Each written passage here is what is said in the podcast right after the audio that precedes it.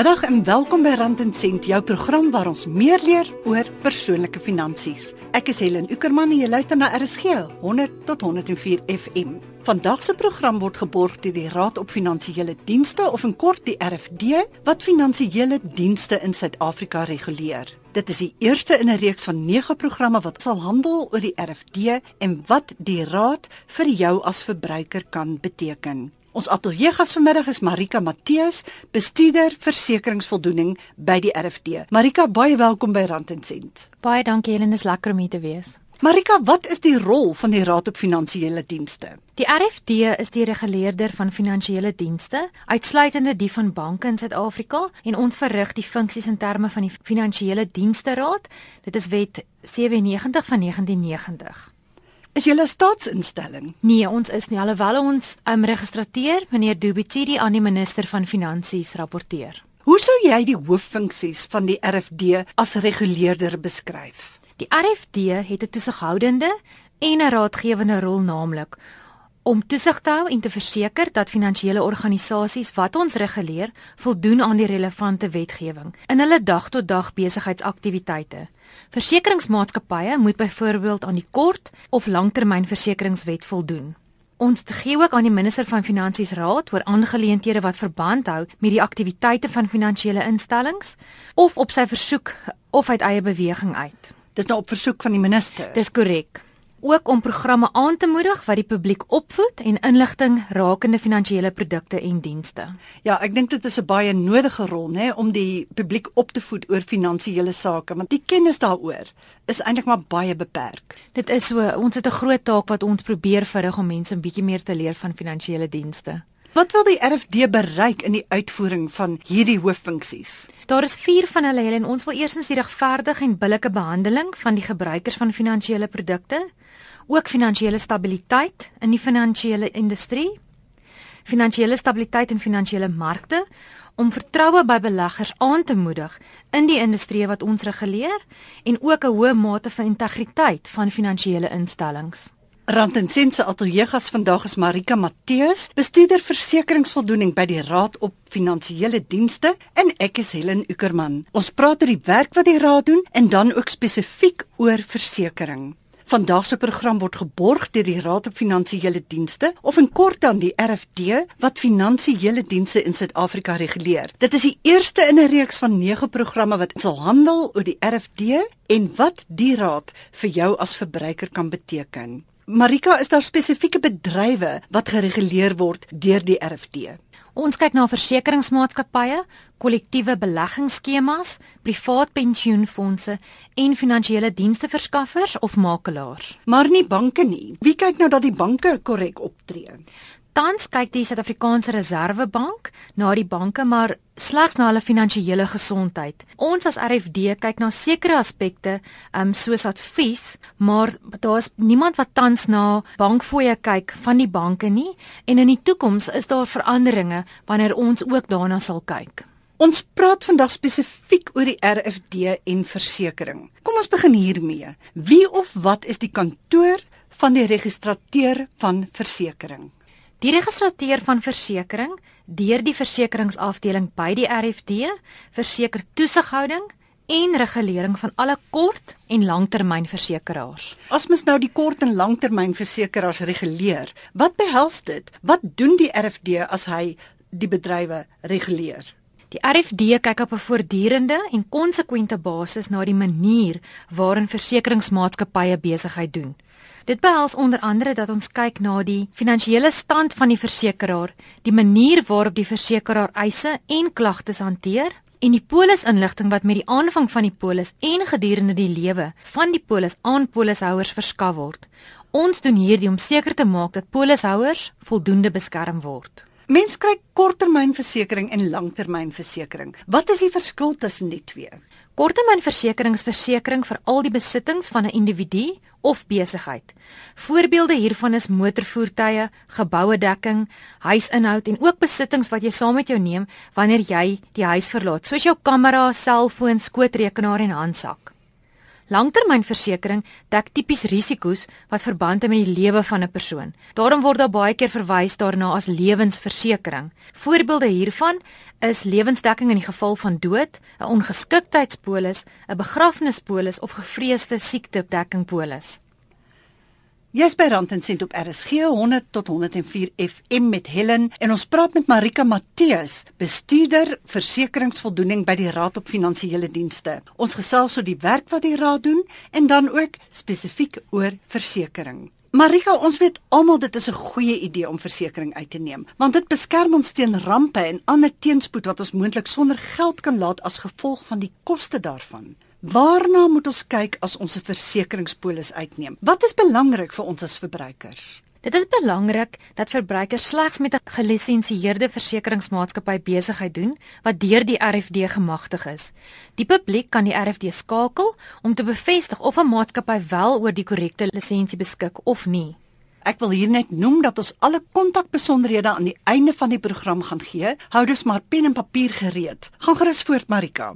Jy moet deeglik alle dokumente lees en seker maak dat jy alles verstaan en dat jy vir die regte bedrag of items verseker is. Indien jy dit nie doen nie, is dit moontlik dat die versekeraar jou eis kan repedieer. Kom ons vat 'n voorbeeld, jy verseker 'n spesifieke selfoon, maar 'n ander selfoon raak weg. Die mhm. versekeraar is dan nie verplig om daai selfoon van jou uit te betaal of jou te vergoed vir die eis of die verlies wat jy gehad het nie. Daarom is dit altyd belangrik om die regte item of bedrag te gee. Maak seker jou huis se waarde is reg, jou huis inhoud se waarde is reg. Soms maak mens, um, dis 'n onskuldige fout of onskuldige berekening, maar jy moet vir die versekeraar die regte bedrag of item gee sodat jy ook die korrekte premie daarvoor kan betaal. Dit is ook belangrik om te alle tye eerlik te wees met jou versekeraar en alle relevante inligting te openbaar sodat jou versekeraar kan bepaal of hulle bereid is om die risiko te aanvaar of nie. Nou wat gebeur as jy dit nie doen nie as daar nou dalk vasgestel word dat jy verkeerde inligting verskaf het of selfs gejok het? As jy um soos ek sê 'n fout maak en verkeerde inligting vir hulle gegee het, is dit moontlik dat jy nie die korrekte premie betaal nie en dan is dit weer eens moontlik dat daar probleme gaan wees wanneer jy die eis indien. Maar as jy met doelbewuste rade vir jou versekeraar jok of inligting van hulle weerhou, is dit hulle reg om jou eis af te wys. Dit is verder belangrik om te weet presies hoeveel jou premie is en op watter datum die versekeraar dit gaan verhaal van jou. Daar is geen dekking indien 'n polishouer nie die versekeringspremie betaal nie en dit kan beteken dat jou polis kan verval of hulle dit kanselleer. Is dit selfs so as ek 'n paar dae laat betaal, is daar dan vir daai paar dae geen dekking nie? In terme van ons wetgewing Helen, is daar 'n grasieperiode van 15 dae. Gewoonlik die versekerings laat jou in kennis stel dat jou versekering vir debietorder het nie deurgegaan nie en dan laat hulle jou weet en dan dan moet jy binne daai sekere bepaalde periode dan wel betaal. Soms werk dinge nie uit soos wat 'n mens verwag het nie. Hoe en wanneer mag 'n verbruiker kla as hy ontevrede is met diens? Indien 'n verbruiker glo dat 'n instansie wat deur die RFD gereguleer word, nie aan 'n wet voldoen het wat onder ons administrasie val nie. Voorbeelde hiervan is die kort en langtermynversekeringswette, asook die wet op finansiële advies en tussengangersdienste waarin finansiële dienste verskaffers en tussengangers of makelaars moet voldoen. Watter ander forums is beskikbaar vir verbruikers wat byvoorbeeld oor makelaars wil kla? Wanneer ons verwys na makelaars, bedoel ons die persoon wat aan jou 'n versekeringsproduk verkoop, van 'n produkverskaffer en aan jou advies gee oor watter produk om te koop. In hierdie geval kan klagtes ingedien word by die ombud vir die finansiële adviseurs en tussengangers. Dit is algemeen bekend as die FIS ombud en die kantoor is statistêr geskep onder die Wet op Finansiële Advies en Tussengangersdienste nommer 37 van 2002. Die oogmerk van die ombudsman is om aandag te skenk aan kliënte se klagtes oor finansiële dienste verskaffers en om dit informeel, ekonomies en gou af te handel met behulp van billike prosedures. As ons verwys na klagte, beteken ons 'n spesifieke beswaar oor 'n finansiële diens wat 'n finansiële dienste verskaffer of 'n verteenwoordiger van sodanige verskaffer aan die klaer gelewer het. Die klagte word oorweeg as daar beweer word dat die verskaffer of sy verteenwoordiger die voorwaardes van die wet oortree het of nagelaat het om dit na te kom, waardeur die klaar finansiëel benadeel is of kan word of skade kan ly. Willekeurig of nalatige finansiële diens aan die klaar gelewer het en vooroordeel gehad het of skade berokken het aan die klaar of wat tot sodanige vooroordeel of skade kan lei of as die klaer onregverdig behandel is. Die huidige Face Ombud is mevrou Noluntu Bam en haar kantoor is onafhanklik van die RFD. Jy luister na Rand en Sent op RSG met my Helen en ons onderwerp vandag is die Raad op Finansiële Dienste en Versekering en van watter nut die raad vir jou as verbruiker is. Ons ateljeegas Marika Matteus, bestuurder versekeringsvoldoening van die Raad op Finansiële Dienste. Marika, wat staan verbruikers te doen wat moontlike klagte wil indien oor 'n korttermyn of langtermynversekeraar? Kom ons praat eerstens oor die ombudsman vir korttermynversekering. Net vir interessantheid, ombudsman is 'n geslagsneutrale woord um, van Swede wat verwys na iemand wat geskille besleg. En die ombudsman is nie net een persoon nie, maar in werklikheid 'n kantoor van onafhanklike, goed gekwalifiseerde persone wat aangestel is om beide die verbruiker en die verseker by te staan in die geval van 'n dispuut oor 'n korttermynversekeringseis. Die huidige ombudsman is meneer Dennis Jooste. Die kantoor van die ombudsman vir korttermynversekering voorsien aan verbruikers 'n gratis effektiewe en billike metode om geskille te besleg. Die korttermyn ombud kan verbruikers bystaan met onder meer die volgende soorte korttermyn versekeringsaangeleenthede: voertuig, huiseienaars met ander woorde geboue, huiseienaars ook jou inhoud, jou selfoon, jou reis, ongeskiktheid, die versekering vir kredietbeskerming en kommersiële versekerings op 'n beperkte basis. As die ombudsman teen 'n versekeraar besluit nadat 'n verbruiker gekla het. Hoe weet ons die versekeraar gaan daaraan gehoor gee? Dit is immers ek alleen die ou klein verbruiker wat teen 'n magtige maatskappy te staan kom. Die kantoor van die ombudsman is wel 'n vrywillige skema en versekeraars mag kies of hulle onderworpe wil wees aan die ombudsman se reëls en beslissings. Wanneer 'n versekeraar egter aangedui het dat hulle wel 'n lid van die skema is, moet hulle gehoor gee aan die beslissing van die ombudsman. Die ombudsman se taak is om as tussenganger en arbiter op te tree en verteenwoordig dis nie enige van die partye in die geskil nie. Dis interessant. Hoe weet ek watter versekeraars hulle onderwerp aan die ombudsman se reëls en beslissings en wie nie? Dit behoort mos nou 'n belangrike rol te speel in my keuse van versekeraar, nie waar nie? Ek dink dit behoort te doen. Op beide die kort en langtermyn ombud se webwerwe word aangedui wie lede is. Ja, ek dink dit behoort 'n belangrike rol te speel, aangesien 'n verbruiker slegs die ombudsman sal kan nader in die geval van 'n dispuut indien hul versekeraar wel 'n lid is. Indien die versekeraar nie 'n lid is nie, sal hulle moet berus by die besluit van die versekeraar of 'n prokureur gaan sien vir verdere regsadvies. As ek nou in 'n dispuut met 'n versekeraar betrokke is en ek is ontevrede oor hoe die saak hanteer word, hoe gaan ek te werk om die saak op te los? Is daar sekere stappe wat ek moet volg?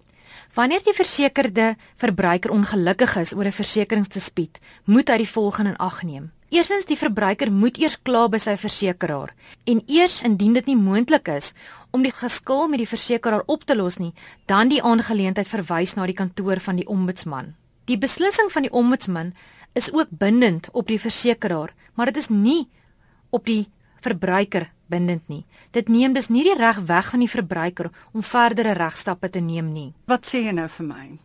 Indien jy nie tevrede is of nie saamstem met die besluit van die ombudsman nie. Helen, is jy nog steeds daarop geregtig om 'n prokureur of enige ander iemand te gaan sien om onafhanklike regsadvies in te win? Maar die maar, versekeraar moet hom berus by die uitspraak van die ombudsman. Korrek. As die versekeraar 'n lid is, dan is hulle gebonde aan die besluit van die ombudsman.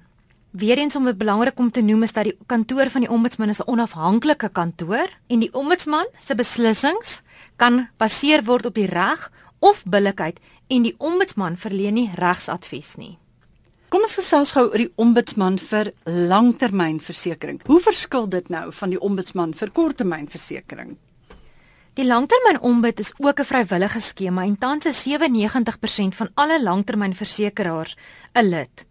Die huidige ombud is regter McLaren en hierdie kantoor poog om geskille te besleg oor aspekte rakende lewensversekering. Soortgelyk aan die korttermyn ombud, dien die langtermyn ombud as 'n mediator tussen die persoon wat kla en die spesifieke versekeraar. Vir verbruikers is hierdie diens ook gratis, maar hulle moet alle tye eers poog om die klagte met die versekeraar op te los. 'n Ander belangrike aspek om te onthou met al die ombudskantore, dat wanneer 'n verbruiker 'n makelaar of versekeraar gedagvaar het, die ombudsman nie dan na die klagte sal kyk nie. 'n Hof sal dan verder beslis oor die aksie. Dit is wanneer die latynse term sub judice gebruik word wat beteken hangende regsgeding. Wat is jou aanbeveling dan? dat mens eers die ombudsman nader voordat jy ten duurste regsonkoste aangaan. Ek sou so dink as 'n verbruiker, um, sal ek eers na die ombudsman kantoor toe gaan. Dit is gratis, dit is effektief en billik en ek dink ons almal weet dat regskoste kan baie duur wees en nie almal in Suid-Afrika het die finansiële vermoë om 'n prokureur te gaan spreek nie. Hoe lank neem dit die ombudskantore om 'n mens se navraag te hanteer want hulle kry seker verskriklik baie navrae en klagtes. Hulle kry inderdaad wel baie klagtes van verbruikers af. Sommige geskille is baie maklik en kan selfs 'n paar dae vat om op te los, maar party van die geskille kan maande vat om op te los. In hulle jaarlikse verslag word ook aangedui wat die gemiddeld is om kort en langtermyn geskille te besleg. Marika, kom ons gee gou die belangrike kontaknommers wat ons vroeër in die program beloof het.